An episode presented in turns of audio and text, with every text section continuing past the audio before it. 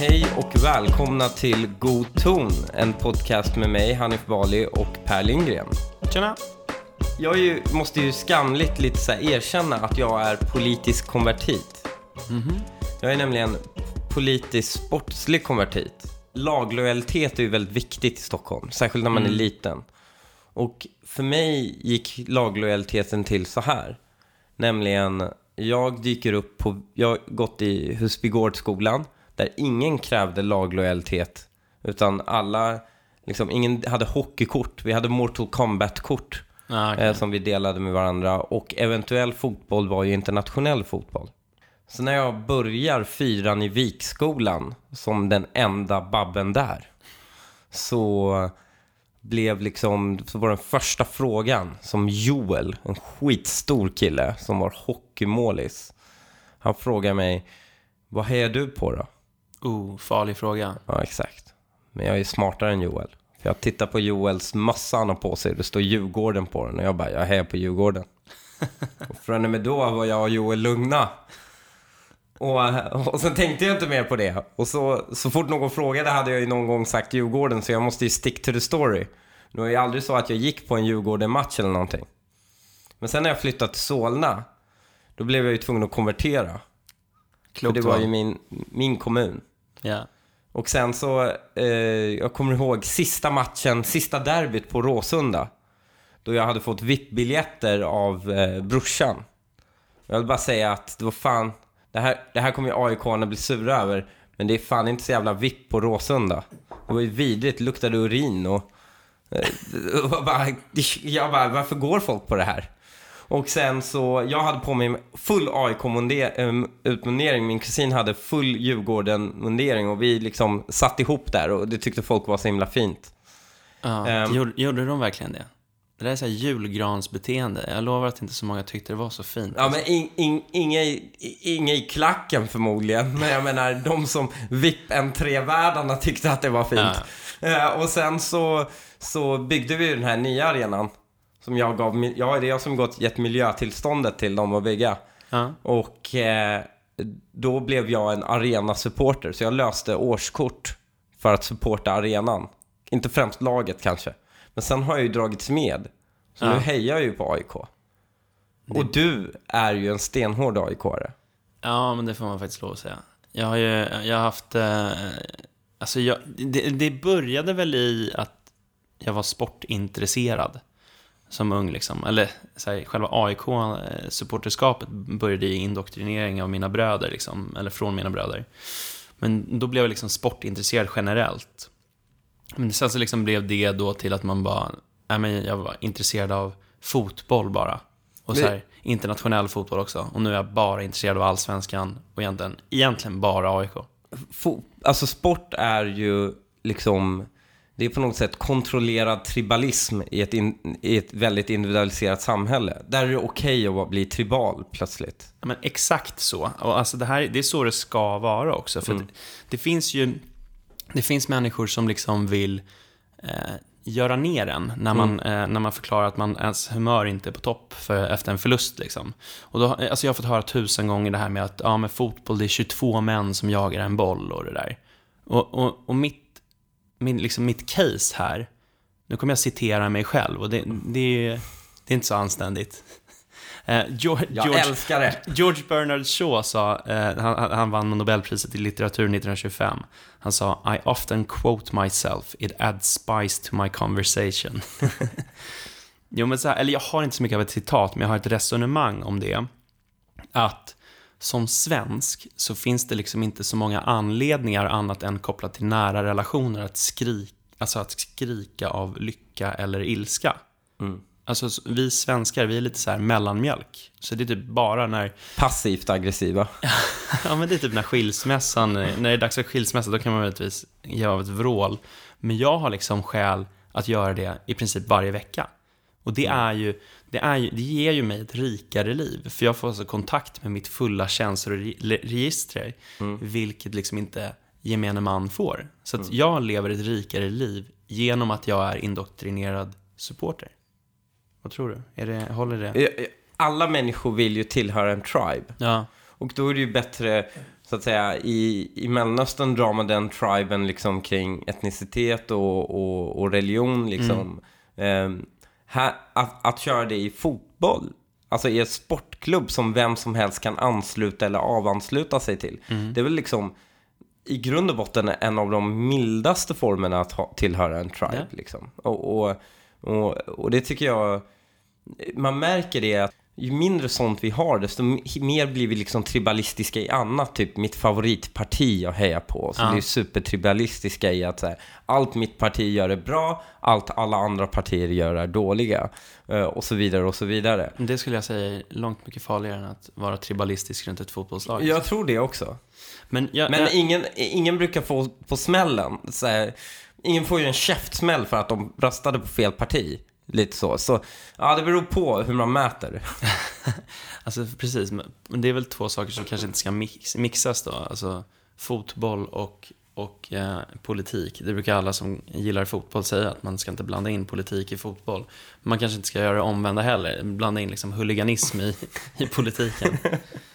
Men eh, så här, jag, jag, jag tänkte på det, det, det är en väldigt stor andel män som går på fotboll. Det är inte så mycket kvinnor. Och jag, alltså jag har inga exakta siffror på det, men efter alla år på, på fotbollsarenor runt om i Sverige så, så kan jag liksom konstatera att det är så. Och jag läste också en, eh, det var TV4 och Fotbollskanalen som hade gjort en, en granskning av att, alltså för några år sedan så kollade de på de 500 främsta makthavarna inom fotbollen.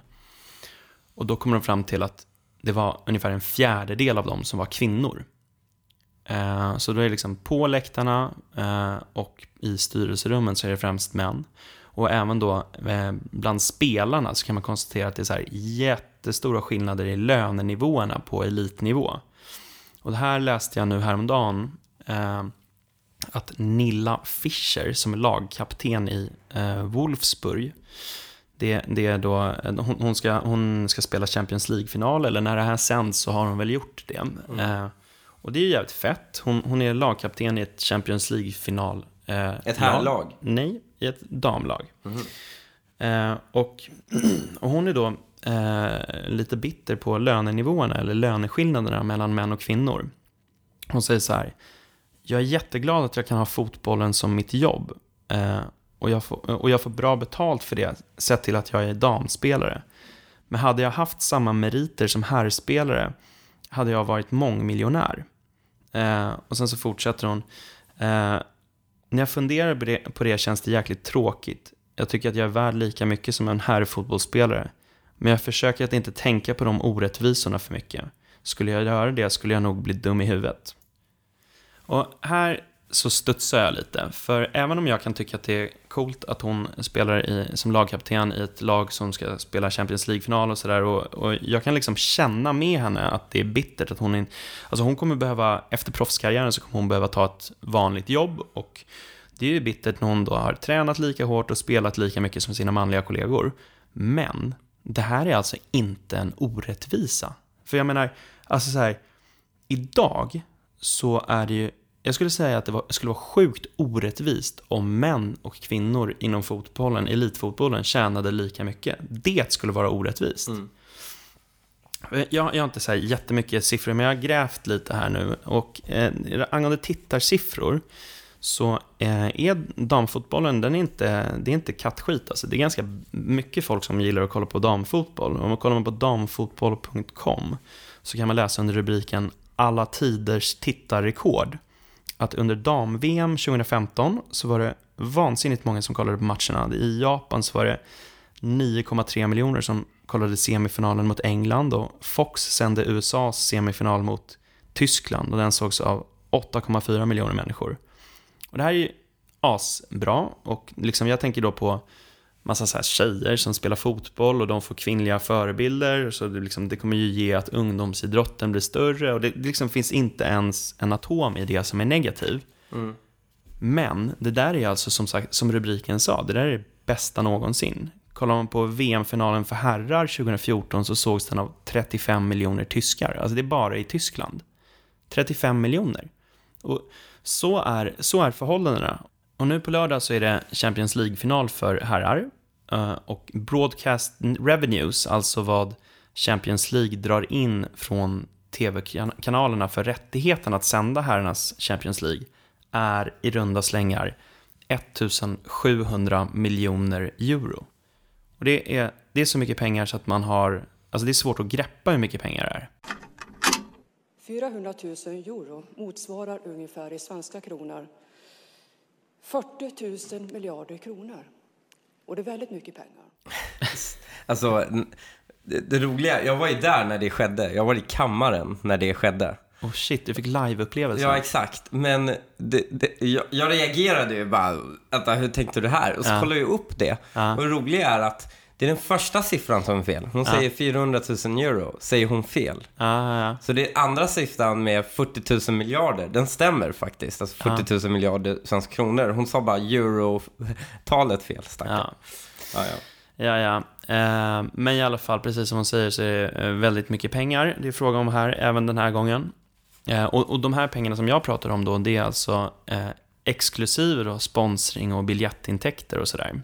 Jag, jag har inte den motsvarande siffran eh, för damerna, men när jag har pratat med eh, lite vänner som, som jobbar med det här, så är uppskattningen att liksom, ja, det är liksom inte ens en hundradel vi pratar om.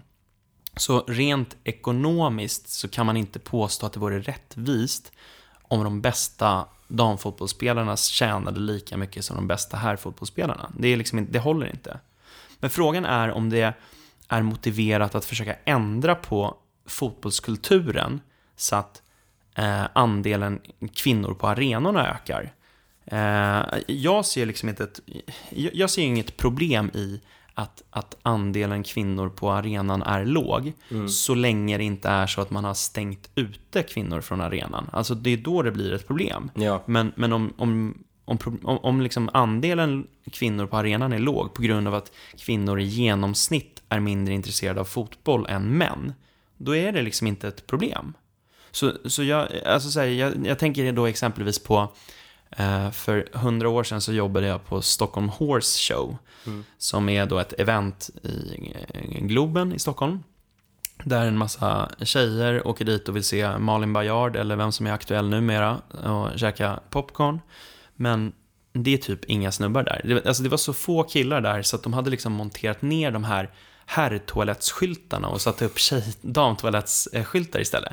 Vilket var liksom helt rationellt för att det behövdes inte hälften herrtoaletter i Globen. Det var bara tjejer där.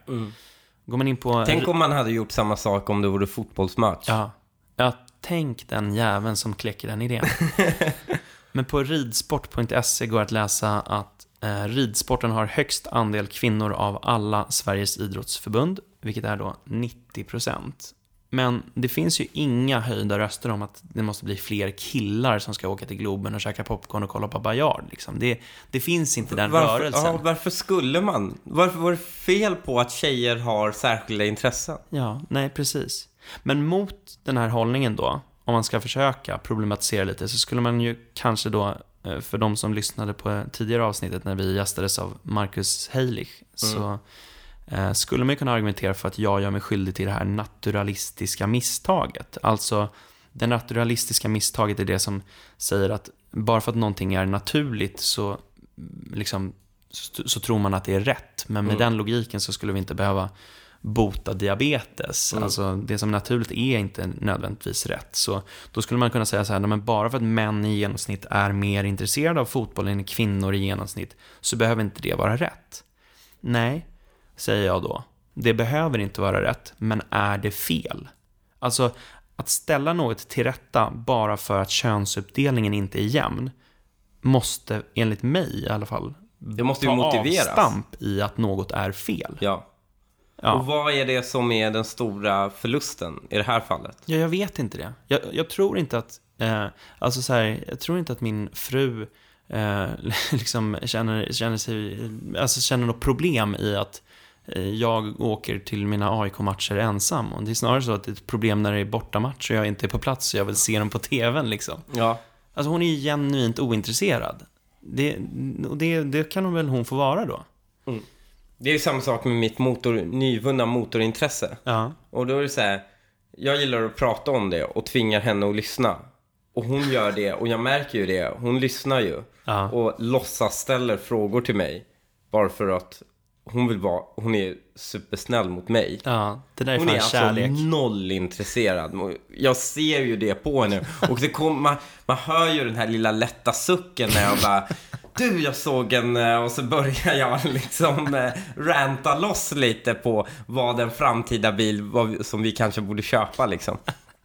Så, så, så det, det är ju liksom, det finns ett uppenbart ointresse från hennes sida Ja. om jag så här, eh, och det kan ju vara på individuell basis. Mm. Det kan ju också ha med att göra att hon är tjej. Jo men absolut. Nej, alltså, men- jag, jag har, jag har, det, jag, Mm. det finns några tjejer som jag känner som brukar ibland gå på eh, matcherna. Eller det, Mm. eh, nu i år så är det en tjej som är med i gänget som har säsongskort. Ja. Vad fan, det är skitsamma. Hon tycker att det är intressant med fotboll, så, så, så Exakt. kolla på fotboll liksom. Men, men det är ju inte så att jag, jag blir arg och säger så här, det här är ju ett del av ett strukturellt förtryck nu om du inte är genuint intresserad av mitt bilintresse och, och liksom, du måste lära dig lika mycket som jag har, liksom förkovra dig lika mycket som mig och vara redo att lägga lika mycket pengar och tid och gå och tvätta bilen en gång i veckan för hand liksom. För att annars så är det ett strukturellt förtryck här. Men du gör ju liksom, en, en, liksom i, i jämställdhetens tjänst då. Så Ja. håller du på och matar henne med massa information om din jävla bil. Ja, jag har lärt henne massor. Det, jag, jag, jag, från och med nu ska, kommer jag kalla mig för genuskämpe.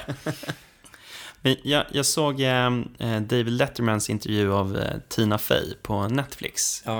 Eh, kan vi säga, alltså Tina Fey är, eh, ja, hon är en av USAs största komiker och manusförfattare. Och hon beskrev en situation där, och du kommer säkert inte hålla med mig här, men där jag landar i slutsatsen att i den situationen så är det liksom helt motiverat på ett annat sätt än kring fotbollen att ha liksom en jämnare fördelning mellan könen. Det finns ett liksom, vad ska man säga, självändamål på ett helt annat sätt. Och det hon pratar om då är eh, manusförfattandet kring Saturday Night Live. Ja. Ehm, och hon beskrev att eh, Eh, den processen bygger på att man sitter i ett manusförfattarrum och så får liksom alla komma med vilka sketcher och sådär de, de har kom, kommit på under veckan. Eh, och så drar man det för resten av gänget och det som flyger, det flyger. Det är liksom det som eh, produceras sen. Men eh, hon, hon beskrev då så här hur förändringen av att det blev fler kvinnor i rummet också gjorde att vissa av skämten som tidigare inte begreps liksom, ja, blev producerade. Så det var liksom inte av elakhet som grabbarna i rummet inte skrattade åt eh, grejer som tjejer hade skrivit. Utan liksom helt enkelt för att det finns killhumor och tjejhumor. Så blev det så här, okej, man hajade inte riktigt varandra. Så Men då- tjejerna tyckte att det var skitkul. Ja, och när det blev då fler tjejer i rummet så blev det så här, nej men vänta nu här, stopp och belägg, skjut inte ner det här förslaget, utan det hon säger är ju eh, kul. Och så liksom blir flera saker gjorda. Eh, och, och varför jag tycker att det här är Har en man hel... sett också en effekt av en jämnare demografi då bland deras tittare eller? Jag vet inte det, väldigt intressant fråga, men, men det, det är så jag liksom, eh, tyck, det, det är i den änden jag tycker att det blir en helt annan situation. För jag menar, du har ju en, om det finns killhumor och tjejhumor och eh, killarna inte hajar eh, tjejernas humor och, när de kommer och pitchar idéer, så kan man ju också liksom konstatera att ja, men, då har man ju potentiellt missat halva publiken. Så då är det liksom på ett helt annat sätt, alltså marknadsekonomiskt försvarbart att ha fler tjejer i rummet. Liksom. Eh, ja, eller killar om det är en tjejdominerad eh, med, liksom, eh, redaktion. Alltså, fattar du vad jag menar? Ja. Eh, men jag tycker ändå så här att den typen av bedömningar, det är någonting som man borde överlåta åt producenterna av liksom Saturday Night Live eller vad det nu är för program. Alltså man ska inte komma som politiker med så här trubbiga kvoteringsverktyg och sådär, utan Ja. det kan man lämna åt dem att avgöra. Är de dumma nog att missa halva sin publik, jaha, låt dem vara dumma. Liksom. ja. Men det håller ju inte Anna Särner med om, Åh, som är Gud. Filminstitutets VD. Det här har du sett eller? Ja. Ja, för de som inte har det så gick Anna Särner eh, ut för någon vecka sedan med ett ultimatum där hon sa att eh, Filminstitutet kommer ge mark allt marknadsstöd till kvinnliga filmskapare år 2020 om inte marknaden själv släpper fram fler kvinnliga regissörer och manusförfattare. Alltså observera nu att Sverige har ingen filmmarknad, för vi har socialiserat det hela. Svensk filmproduktion sker med hjälp av Filminstitutet. Det är statliga bidrag liksom. Det var, en gång i tiden hade vi det, men det lyckades vi krossa. Och istället har det bara totalt socialiserat eh, filmproduktionen. Mm. Och det var ju nära att man skulle göra samma sak med eh, dataspelsbranschen. Vadå, hur då? Berätta. Nej men idén var ju samma sak så här. Det var ju ett gäng kulturskapare som tyckte att de gjorde jättebra spel. Men så här, vi får inte pengar för mina projekt liksom. Och så skulle staten gå in och liksom ge pengar till, till den här. Och, och alla politiker började prata om så här kreativa näringar och att vi måste stötta det. Så man började nästan, det var ju planerna att bygga upp ett så här filminstitut liknande för dataspelsbranschen. Jesus Christ. Och det hade ju varit katastrof för svensk dataspelsutveckling. Och då ska vi komma ihåg att svenska dataspel just nu exporterar mer i BNP än vår film och, eh, och eh, bok, liksom, export. Alltså, svenska dataspel är den, och musikexporten. Svensk dataspelsproduktion är, är vår största kulturexport nu. Men det var ju ett tag där det var liksom, jag men det var någon kulturskapare som kände att de var den absolut bästa liksom, eh, tv-spelsproducenten, liksom, dataspelsproducenten och bara så här, nej men det är så svårt att få tag på pengar så jag, så kan det inte finnas något statligt bolag som, som ger oss bidrag för det här? Så det var ju, det lyckades avstyras faktiskt. Det var under... Jag, men jag, jag har bara så svårt över, alltså så här, det här, eh, liksom, eh, att man bara räknar ballar. alltså så här, det, det är Ja, så men det hade ju varit nästa steg då, för om staten ska börja dela ut de här bidragen, Ja. då skulle de ju bara, ja, nu är det för mycket snoppar på programmeringsavdelningen här. Ja. Det är helt jävla... Så det var ju skönt att det liksom försvann. Och istället har man ju en fördelning, jag tror inom svensk dataspelsindustri har man ju en fördelning på, vad är det, 80-20. 80-20. Alltså 80% män, 20% kvinnor. Ja. Och det är ungefär så det ser ut på ingenjörslinjer Ja. och, och så vidare. För att det är ju väldigt tekniskt yrke. Och, de, och eh, ehm, vissa bolag har lite högre, men det är för att de valt att ha helt kvinnliga HR-avdelningar. Bara för att det ska se liksom bättre ut på. Ehm, men nu, till exempel ett bolag jag... Men är, är det för att det ska se bättre ut? Alltså HR är väl ett sånt Ja, det yrke är väl som det också. drar, ja, drar kvinnor till sig. Men, de, de, men när de presenterar datan så, så, det, så, så om det är så att de har en stor HR-avdelning Mm. så räknar de då med det och säger inte, då säger de så här, titta vilken jämn, jämnare könsfördelning vi har. Mm. Och så bara, okej, men hur ser det ut för era utvecklare? Ja, ah, det var inte säkert. Så bara, ah, men de bara, men vi jobbar hårt för att öka andelen kvinnor. Så jag bara, men om ni ökar er andel kvinnor högre än vad det är kvinnor som kommer ut som programmerare, då kommer ni bara minska jämställdheten någon annanstans. vad, har det, vad, har det, vad har det varit till hjälp för något liksom? Ja, men era siffror ser ju bättre ut, men jämställdheten nytta, liksom, har ju ingen nytta av det. Men, ja, ja. Det, Men det, men det är inte så att det är... Alltså det här skulle ju vara ett jätteproblem om det var så att det fanns eh, horder av, av kvinnor, kvinnliga programmerare som liksom inte fick jobb för att man bara anställer män. Eller, eller så här, eh, kvinnliga su- fotbollssupportrar som står i drivor utanför arenorna liksom. Och bara inte vet. Inte, ja, vet inte var fan man ska sätta sig någonstans. Eller så här. Men det är inte det som är situationen. Nej. Oftast så finns det ju massa så här historiska, plausible förklaringar till varför, ja men, typ så här, ja men fotboll har ju varit så manligt dominerad så himla länge så kvinnor har inte släppts in i, i fotbollen och där är brist på förebilder och så vidare. Men om man tittar på så här ridsporten, Alltså kvinnor fick inte ens använda rätt sadel en gång i tiden. Det var alla män som ägde alla hästar liksom. Det var ju transportmedlet för män. Alla kuskar var män, alla de där sakerna var män. Men där blev det 90% ganska snabbt så fort det slutade, så fort bilen kom och män bara, åh, någonting som går fortare liksom. Så, så liksom, det är intressant hur det här historiska liksom, perspektivet man anekdotiskt använder för att förklara ibland ganska förklarliga skillnader som kanske ja, men har en viss kulturell genetisk ursprung. Man använder liksom, nej men bara tränger in någon form av historiskt förtryck i det hela. Det funkar det, det används aldrig liksom när det är åt andra hållet, där det blir så här, någonting blir totalt kvinnodominerat, trots att det historiskt sett också varit man, mansdominerat. Då vet man inte helt enkelt hur man ska förklara det. Men fan, jag kan säga att jag vet inte alls hur man ska förklara att, att fotboll är manligt och ridsport är kvinnligt. Jag, jag bara vet att det är så. Och, jag, Ja, okej. och det lämnar mig kall. Det, det, det går säkert att hitta en förklaring till varför liksom, vissa lagidrotter är mer manligt eh, dominerade än andra. Ja, kanske. Men jag, jag tycker bara att det är så... Eh, jag vet inte, jag låter som de här genusforskarna i eh, Hjärnevask. Mm. Men liksom, de, de säger så här, ja, men jag tycker att det är ointressant. Nu är jag likadan fast åt andra hållet. Men jag, tycker det är superintressant. Jo, men jag ty- jo, men, jo, jag tycker väl visst att det är intressant, men det är bara så här. Jag tycker att det viktigaste är att bara låt folk göra det de tycker är intressant. Liksom. Alltså om Mm. du tycker att det är kul med fotboll, gå på fotboll. Det är liksom det som är grejen. Och, och Vilken du... fruktansvärd åsikt. nu, det där är patriarkatet som talar alltså. Va? Folk ska göra det de känner för. Fruktansvärt. Vet du vem Jan Sjunnesson är? Nope.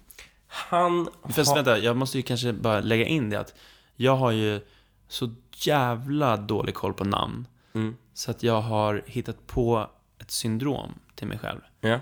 För det finns ju afasi, Ja. där man liksom eh, tappar ord och sådär. Och jag kollade upp det, men då måste man ha någon slags skada på hjärnan. Och det vill jag inte ha. Så jag har inte namn afasi. Men det finns, en, det finns en variant på afasi som är dysfasi. Och då har man ingen skada på hjärnan. Så jag har Men liksom... du är bara dålig på att minnas. Ja, men jag, jag, jag, jag, jag liksom så här, så när folk eh, blir besvikna på att jag inte kan deras namn så tittar jag med hundögon på dem och säger ja ah, men jag, har- jag har namndysfasi. Och då blir det så här, det låter tillräckligt mycket som en så här, diagnos. Då det så här, wow, jag visste inte. Förlåt. Fan, jag ska köra den. Ja. Men eh, Jan Sjunnesson, han eh, tillhör väl eh, kretsen kring Sverigedemokraterna. Och har eh, varit det ganska länge. Han är ju en ganska spännande karaktär i att han har ju tidigare liksom eh, som alla andra varit i PK-sfären sådär lite och sen han var väldigt mycket engagerad i olika invandrarföreningar och så, har jag för mig eh, nu. Och sen, han har väldigt många så här, han kan väldigt mycket om till exempel persisk kultur. Alltså lite av en så orientalist, att kunna väldigt mycket om, om främmande kulturer. Typ du. Ja, eh, det är väl lite så. Jag har väl också den. Och det här är ju... ehm, så det, jag kommer ihåg ett ögonblick eh, i valet 2014 då Afghanska föreningen har bjudit in till en migrationspolitisk debatt. Eh, och jag stod där och det blev en bizarr situation. Men alltså, jag stod där och företrädde det partiet, alltså som hade precis gått ut och sagt öppna era hjärtan. Och medan de andra politikerna drev en sån extrem linje att jag framstod som nazisten i rummet. Alltså, jag sa typ ingenting mer kontroversiellt än Nej men de som får avslag ska väl få avslag och det är skyddsskälet som ska avgöra. Medan alla andra var så här amnesti, ingen, alltså bara öppna gränserna, allt ska bli lagliga vägar, liksom. Alltså, från kristdemokraten till vänsterpartisten. Mm. Så då stämningen blir ju ganska hetsk i rummet gentemot mig. Och i, jämfört med liksom vad man, jag öppet säger idag var det ju ganska liksom, jag var ganska nedtonad där. Varpå han reser sig upp efter ett tag för att stämningen är så hård och säger så här: Hej, jag är Sverigedemokrat. Ni ska ju vara arga på mig, inte Hanif Bali. det, det är så jag kommer ihåg honom. Hur som helst, för ungefär eh, ett år sedan så var det bokmässa och sånt. Och på den här bokmässan så är det utställning av barnböcker. Och en var barnboken Farfar har fyra fruar. Ja, det här, Kommer du ihåg den? Ja, det här känner jag igen. Mm. Och det var ju lite sjukt. Men det handlar alltså, den här barnboken handlar om en eh, flicka som åker tillbaka till Somalia tror jag det är och eh, träffar sin farfar för första gången. Och farfar, han har fyra fruar. Är han pimp? Nej, han, han har gift sig enligt sharia liksom. Ja. Eh, och eh, ja, men det är en väldigt så här, normaliserande bok gentemot barn att det här, vissa har fyra fruar bara. Hur som helst, eh, Stockholms stadsbibliotek hade ju köpt in den här boken. Något de nu har tagit bort för att det är tydligen ja, problematiskt att lära barn att det är normalt med månggifte. Något som är alltså olagligt i Sverige. Det dök ju upp massa satir på det här ju. Och eh, en var till exempel Mustafa vill också vara med. Där det är en pojke som, liksom, där det står ett gäng pojkar och stenar en flicka. Och, och liksom, eh, och, och Mustafa vill också vara med, handlar det om. Och sen var det en annan typ, far, typ så här, pappas nya jobb eller någonting. Och så är det en man som står och piskar en, eh, ja, med någon, eh, någon avfälling eller något sånt. Liksom. Så det dök ju upp massor av här, sån här satir. Det är ju samma sak med när den här broschyren dök upp. Den här, eh, för dig som är gift med ett barn. Just Så det. dök det ju upp massa satir på den med. Den bästa var ju med Öz. Ja, för dig som inte vet vem som har renoverat din, ditt hus. det som skedde var ju att det det har ju startats någon grupp som heter Näthatsgranskaren, vilket är någon snubbe som går och polisanmäler en massa kommentarer på Facebook och inlägg på Facebook. Det här verkar polisen ta på väldigt stort allvar jämfört med till exempel när jag när jag gör anmälningar om mordhot. Det läggs ju ner, men det här tar man ganska seriöst. Så då har ju Jan Sjunnesson delat den här satiriska bilden. Med så här, kanske något för nästa bokmässa var väl kommentaren. Vilken av dem delade han? Alltså båda två alltså. Det var ju en bild med båda av de här, den här liksom. ehm, då det är tecknat liksom. Mustafa vill vara med och pappas nya jobb eller något sånt. Han spelar ju in polisförhöret. Alltså, han, alltså det här kommer till åklagaren. Åklagaren tycker att det här är hets mot folkgrupp. Alltså att det kan vara hets- mot folkgrupp. Så han blir inkallad till polisförhör. Och eh, det är enheten för grova brott som, som, eh, som då frågar honom så här, ja men, ja, och, och den här, när pappa har fått ett nytt jobb, då har de, han har på sig en deshdash, alltså en sån här vit arabisk dräkt, när han håller på att piska. Och, vilket de har på sig alltså när de piskar folk i Saudiarabien. Men då säger de ju så här, ja, Mustafa, det är ju ett muslimskt namn. Så bara, nej. Det är liksom när jag lyssnade på det här förut, men nej det är det inte. Det är ett namn från Mellanöstern. Men eh, okej. Så bara, ja och den här klädseln, det är ju en muslimsk klädsel. Och det är ju då Jan Sjunnesson som är lite av en orientalist liksom, så bara nej, man har det i andra länder med, i Sydostasien och... Men då vill de ju säga att han har ju spritt missaktning till muslimer och en etnisk grupp genom att dela den här satirbilden. Ja men okej, men för, jag, för jag, jag var på väg att ställa frågan vilken är gruppen? Men det var ju det... det, är okej, muslimer så, så det var, okej, jag är med. Så muslimer eller liksom Mellanöstern Ja men det är därför de försökte ju klämma in det då med ett skohorn till att bli just... Exakt. Ja, ja. Det här borde ju inte ens gått till förhör, såklart. Det här borde ju bara... För då, för då rimligtvis borde ju eh, farfar ha fyra fruar. Eh, det borde ju vara missaktning gentemot somalier. Men enligt samma logik då. Ja, fast eh, nej, nej. Det Med borde- samma skohorn. Om du ska skohorna så mycket. Jo, fast jag menar det är ju en eh, eh, icke-ironisk, eh, det finns ingen udd någonstans, utan när de skrev pappa, eller farfar har fyra fruar, så skrev de ju den, eh, hur sinnessjukt det än må vara, så skrev de ju det med någon slags så här, ja men så kan det vara. Det är ju så här normaliserande, snarare än att brännmärka den här farfan eller kulturen han kommer ifrån. Fast är det, är det, är det, är, är det ett... Eh, du är juristen av oss. Ja, men Är- hörru, jag är fan inte en kompetent jurist. Ja, i, i och för sig måste det finnas ett uppsåt att sprida missaktning Ja, exakt. för, för en grupp. Det är ju uppenbart att uppsåtet är att sprida missaktning gentemot författaren. Som, en författare av en bok som är redo att normalisera något helt sinnessjukt. Det är ju så jag tolkar i alla fall den här satiren. Nämligen om någon skulle skriva så här, pappa har ett nytt jobb och han jobbar som bödel liksom. Eh, och, och, och piskar eh, apostater. Eller för den delen, Mustafa vill också vara med, för han får inte vara med i steningen liksom. Och försöker normalisera det. Då är ju kritiken är ju riktad gentemot någon som skulle skriva en sån barnbok. Det är ju där satiren är riktad mot att man är så pass politiskt, jag vet inte, kultu- kulturellt relativist. Att man är redo att normalisera något ganska märkligt. Och det, det är i alla fall så jag tolkar det. Ja, kanske. Men alltså, så jag skulle ändå... Eh, eh, fan. eh, Kolla, jag tycker inte att det är en eh, hets mot folkgrupp. Don't Mm. get me wrong. Jag säger bara att den här farfar har fyra fruar Mm. är ännu mindre fol- eh, hets mot folkgrupp än de här satiriska. För de Ja. satiriska skulle man ju kunna säga att udden kan vara riktad mot författaren eller så kan udden vara riktad mot folkgruppen. Jag menar att man behöver ett ganska så fett skohorn för att hävda att det är riktat mot en folkgrupp. Ja. Men Du behöver ett går- större går- för att det säga går, det för- Det går åtminstone att argumentera i den riktningen. Men det går ta mig fan inte att argumentera för att farfar och fyra fruar skulle vara hets mot folkgrupp. Ja, okej. Hur som helst. Eh, Det, det, det jag tyckte var intressant var ju, det här åtalet lades ju ner nu. Åh fan. Eh, Det var ju inte så... eh, Men, men alltså det gick så pass långt att man kallade till förhör. Alltså i ett land där man inte kallar till förhör av en känd gärningsman som har våldtagit ett barn. Där det tog fyra månader och att Lamotte blev tvungen att ingripa. För att man ska liksom kalla in en våldtäktsman till förhör. Det här, det här är en story jag inte vet. har, känner du inte till den storyn? nej. Det var en, jag tror hon var 12. En flicka som blev våldtagen och man visste vem gärningsmannen var. Eller så här, det fanns en misstänkt.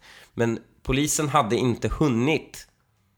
Ka- de hade inte, de hade inte, hade inte haft tid att kalla honom till förhör. Oh. I det läget vi är med polisen nu, att, res, att en åklagare tycker det är liksom rimligt att med så svag grund upp, upplåta åt polisen att lägga så här mycket resurser på att låta någon från den grova brottsenheten förhöra någon kring någonting sånt här. är Alltså jag lite måste säga att jag ser typ ingen koppling mellan de två ärendena Jag ser en sig. koppling. Ah, Vi har, polisen har ändliga antal resurser. Ja. Okej? Och, och det är rimligt att polisen disponerar de resurserna på ett rimligt sätt. Att jaga så här, äh, jaga tveksamma fall av hets mot folkgrupp, alltså satiriska inlägg och kalla folk till liksom förhör, när du inte ens klarar av att förhöra en våldtäktsman. Det där är, det, det där är packad borgare eh, åker motorbåt-argumentet. Varför det? Jag var så här, har ni inget bättre för er än att ta folk som är ute på sjön? Nej, men nej. Det är, inte, det är inte alls samma sak. För här har alltså en åklagare tagit någonting som ingen rimlig människa kan anse vara hets mot folkgrupp. Nej, det håller jag med om. Och- det är ett fel. Ja, det, det där är ju felet. Ja. Det är där felet uppkommer. Och d- därför ska polisresurser slösas på att den här åklagaren, som är en ganska känd åklagare för att vara liksom ökänd i, i de här fallen och aktivistisk, och lägga resurser på det här.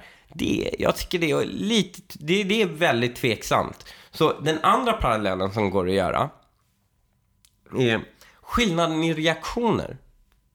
Låt oss säga att det inte var Jan Sjunnesson. Mm. Låt säga att det var jag som hade lagt upp den här bilden.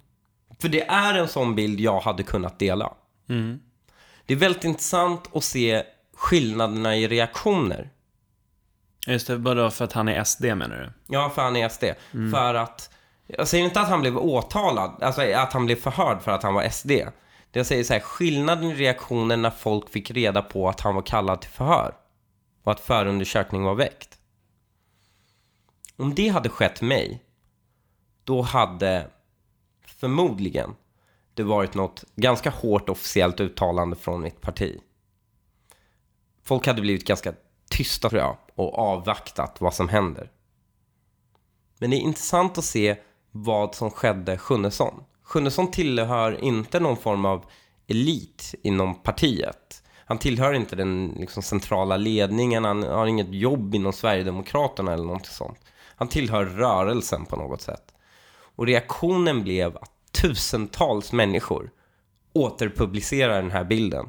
Jag tror till och med Jimmy Åkesson återpublicerade den här bilden. Det kan man ju reflektera över då, hur duktiga är vi att hålla varandra om ryggen om det skulle blåsa?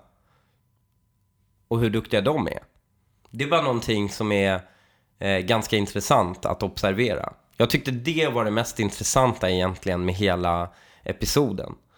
För att det gjorde mig, jag blev lite ledsen faktiskt. För nog fan blåser de höger, alltså om, om, om högern ibland också. Och det tycker jag saknades, saknas i, i stor utsträckning inom svensk höger. Man håller inte varandra om ryggen lika mycket som, som eh, man gör till exempel inom sverigedemokratiska rörelsen eller till och med inom den vänsterrörelsen. Alltså jag har ju aldrig din rygg, bara så du vet. Ja, jag vet det. Eh, Jag lyssnade på Alex och Sigges podcast härom dagen för... Vad fan i helvete du lyssnar du på Alex och Sigge hela tiden för? Du vet att Alex Schulman var ju så jävla ohederlig gentemot mig. Ja. Och liksom, ah, gud, hur kan du lyssna på honom? Jag tror att det är väl delvis det du säger. Alltså så här, det är för att, jag, att det inte bara är så att jag håller med om allt Ja. de säger. Alltså att det skaver lite. Jag har liksom en hatkärlek till båda två. Det, det, det är svårt att sätta fingret på vad det är. Jag tycker, dels så tycker jag så att innehållet är jävligt eh, bra. Alltså jag tycker att de är sjukt duktiga och, eh, och roliga och sådär. Men sen så eh, händer det att de liksom eh, glider iväg eh, i saker som irriterar mig. Och det är också beroendeframkallande. Jag, jag blir liksom fäst av att jag eh, inte håller med. Men alltså, han skriver ju politiskt ibland. Mm. Och han verkar ha ett politiskt intellekt som en sexåring. Men det, och det är det där, alltså det är just det som ofta irriterar mig när de blir politiska och, och alltså deras politiska övertygelser irriterar mig. Och, och då, då, alltså det är inte för att de är eh, vänster, alltså man får rösta på precis vad man vill. Och jag, jag har människor runt mig, som, bland mina vänner som är, eh, som är eh, eh sossar och eh, miljöpartister och whatnot liksom. Men jag, jag kan ibland bli irriterad på att de liksom inte ser sig själva. Alltså att de är, det är så uppenbart varför de är vänster i mina ögon. Om vi, om vi börjar med att, att eh, liksom, min tes om varför de är vänster. Oj, är det, är, det en, är det en kritik mot socialdemokratin som kommer nu? Ja, men eller är det vänstern? Och det är, inte, alltså det är viktigt för mig det här, för att jag är ju vänster någonstans. Ja. Det är väl du också? Ja, det är Därför jag. hoppas jag att du kan tycka det här är intressant och det har, har att säga. Jag undrar vart det ska hamna. Vad, Ja, vad kul. det, ja, det är väl omöjligt att vara något annat än vänster om man har bott i Akalla i 16 år. Mm. Om ens barndomskompisar också är folk som har bott i Akalla i 16 år. eller i Farsta. Eller i Farsta, ja. Det jag hörde i alla fall i Springsteens texter. Alltså så att du, du är född någonstans, därför är du det du är. De är identitetspolitiskt Ja, de, de, är, de är fast där. Och om man lyssnat på alla deras avsnitt, vilket jag har, många av dem flera Mm. gånger, så är det så att jag skulle vilja liksom smala ner det. De är inte bara vänster, utan det här är alltså en egen kategori av vänster. De är nostalgivänster. Och det finns nostalgi höger också, men de är, alltså så här är det, Sigges farsa skrev liksom tal till eh, Palme. Så han har ju badat Jaha, bastu. så han är sosseadel. Ja, men alltså så han har ju badat Mm. bastu med Palme och alla de här gubbarna. Och det är klart att han då minns med liksom, ett, en, liksom en nostalgitår i ögat Mm. tiden i Akalla. Eh, det, det, är liksom, det är ganska naturligt. Mm. Men sen så är han ju i massvis med avsnitt inne på där han bara toksågar eh, eh, liksom identitetsvänster och, eh, och så här, alltså, han, jag, jag vet inte om han är medveten om det själv, men hela liksom kultureliten som är, de, de är bara vänster liksom. Mm. Han har sågat dem i avsnitt efter avsnitt. Och Alex, eh, han eh, är också väldigt nostalgisk. Alltså så här, ja men var tionde avsnitt eller sådär så gråter han. Och det är för att han, jag vet inte riktigt varför, men han, han, eh, han är väldigt nostalgisk kring sin uppväxt också. Han eh, såg väldigt mycket upp till sin pappa som var en så kreativ eh, scensnubbe. Och eh, ja, jag, jag, jag får bara vänstervibbar från hans farsa. Jag tror att de är lite låsta i den liksom idealiserade bilden de har av vänsterrörelsen. Det är liksom deras, ja men som barnatro eller någonting liksom. Men eh, den här vibben kan man ju få av andra människor. Alltså man kan få för sig liksom att, ja men den där personen är höger eller den där personen är vänster eller sådär. Mm. Och jag tänkte bara kolla om det är så att vi har samma syn på några kända personer. Vad de röstar på och varför. Jag har skrivit ner några namn. Vill du, vill du vara med och testa det med mig? Absolut. Ja. Vad skulle du säga att Tilde de Paula röstar på och varför? Tilde de Paula röstar på Moderaterna. Tror du det? Ja. Mhm. Varför det då? Därför hon är rik. Jag tror bara det, det är en sån här... Eh, det finns ju vissa som bara... Ekonomiskt höger. Som bara... Jag är så himla duktig, jag är superduktig och alla andra som inte är lika duktiga, varför ska de ta mina pengar? Just det. Typ, det, det tar slut där ungefär. Och jag tror hon eh, skulle resonera så. Jag, jag, jag går helt motsatt håll. Jag tror att hon Kör. är... Jag tror hon är miljöpartist. Jag tror att hon är så här magkänsla-vänster. Du vet som... Eh, men hon, hon känner obehag inför världsproblem. Mm. Har inga riktiga lösningar. Men liksom står hellre Men hon är inte en still. supermaterialist.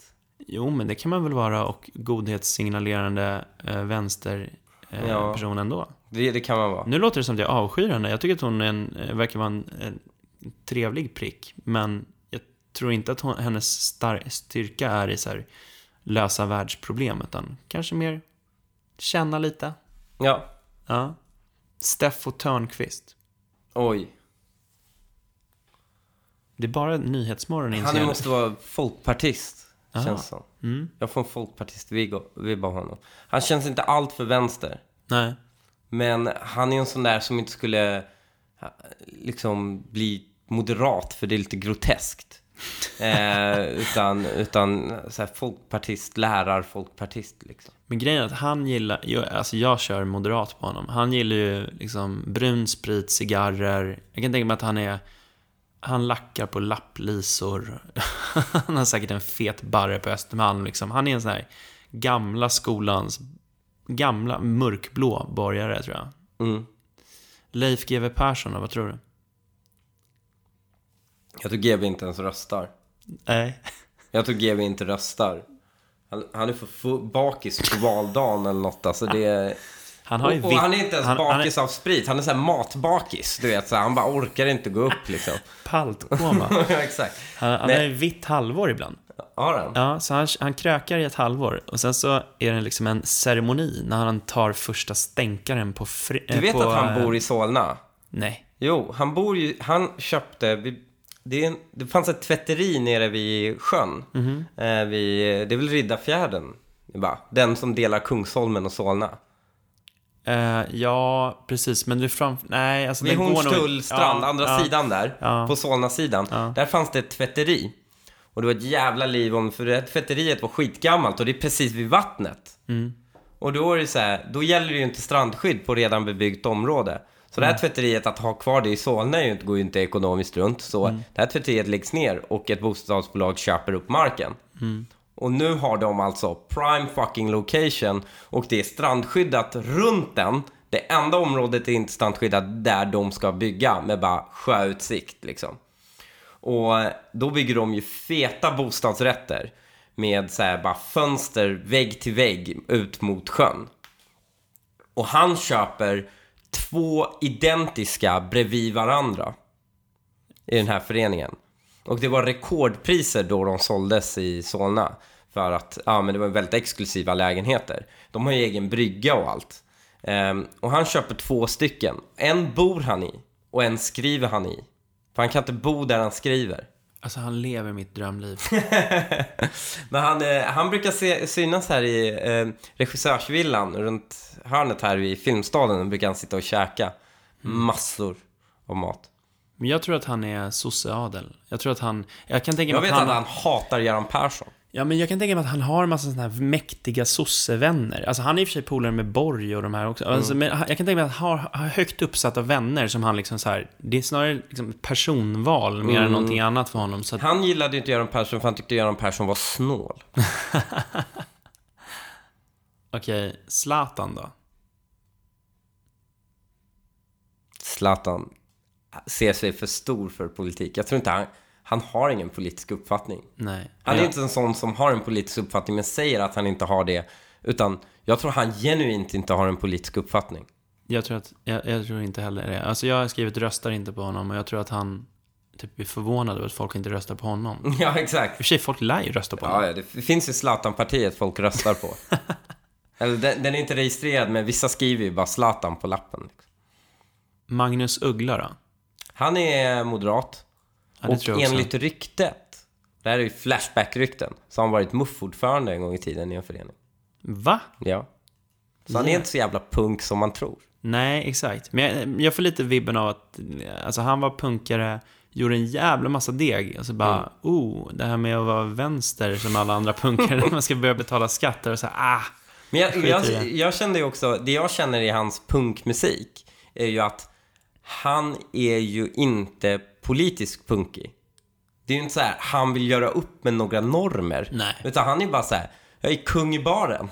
Jag är, jag är, jag är, jag är jävla bäst här och eh, men jag lever ett jävligt liksom svinigt liv. Och det är min rätt att göra det. Lite, lite så här, han är moderat, inte främst av kanske de ekonomiska skälen. Utan lite med det här, skit i mig du. Det är mitt liv. Han är, han är stekare innan begreppet uppfanns. Jag har några bubblare. Eh, Måns Zelmerlöw. Ja, men det är borgerlig aura. Visst är det? Ja. Han har varit medlem i Moderat skolungdom. Ja, Eh, Marie Serneholt. också borgare. Mm. Victoria Silvstedt. Silvstedt. Det här Ja. är liksom så här pubertetskunskap. Man ska, Ja. man ska kolla vem som liksom har koll och inte. Då vet man att hon heter Silvstedt. Okej, Silvstedt, whatever. Ehm, Vi hade bara dial-up på den tiden så vi... Ja, men okej. Ja, då är hon också muffare alltså. Men hon är muffare. Eh, Thomas Di Leva. Var han i muff? Han har varit med i Muff. Nej. Men det sjuka är ju Magnus Bettner. Ja. När var det sist? Vet du vad Magnus Bettner har röstat på? Han har ju inte, han har ju inte sagt det sedan han blev känd. Nej, men alltså han skulle, nu är han väl säkert åt vänsterkanten, Mm. men jag skulle kunna tänka mig lite folkpartist back in the days. Nej, han röstade på Kristoffer Fjellner i Europaparlamentsvalet. Mm. Alltså om man lyssnar på hans tidigare grejer, du vet den han står under liksom Sankt Eriksbron och bara rantar. Är det Sankt Eriksbron? Där Ja. vid Sankt Eriksplan. Jag har ingen aning. Ja, han, han har ju en, när han står en timme bara, tittar in i kameran under den här bron och bara rantar. Vilket är en av hans bästa grejer han gjort. Det var ju det han slog igenom med ganska stort. Eh, Och vad har han gjort sen dess menar du? ja, sen har han inte gjort något. Ja men alltså, så jag menar inte att håna honom så, Mm. men det är väl det han gör. Han rantar. Ja, ja, ja, men det var, det var, det var sist han, ha- han var bra tyckte jag. Okej. Hur som helst. Han är ju libertarian där. Ja. Och det var på den tiden så här, var det libertarian så var det liksom next best alternative jämfört med att typ bli Unabomber var ju att rösta på Moderaterna liksom. Typ. Det var ju så här, antingen började du spränga grejer eller så röstade du på Moderaterna. Eller, eller hade fedora hatt och tyckte att ja, men det är skillnad mellan pedofili och hebefili. Jag skulle vilja ta tillfället i akt att eh, tacka våra Patreons. Eh, ni, det betyder otroligt mycket och eh, ni hjälper podden otroligt mycket. Nu ska vi äntligen eh, försöka fixa lite bättre material också och kunna boka gäster och betala för deras transporter och allt det där. Men eh, vi har några vi vill särskilt tacka. Och en är Alexander Jansson som har gått från certifierad till att bli riddare av god ton. Och eh, eh även en shout-out från Jonas Larsson som skriver så här. Han har ju tagit gudomlig ton och då får man ju en shoutout. Och det är Hej! En liten shoutout till alla exilsvenskar i USA med bibehållet intresse för svensk politik. Fortsätt engagera er. Keep it up Jonas. Det är, kul. Det, är, det är ju kul att vi har supporters kända från USA. Jävligt fett. Ja. We're going international. ja, äntligen! Men det, är ju, det här är ju en intressant grej, nämligen att Moderaterna är det största partiet bland utlandsröstare.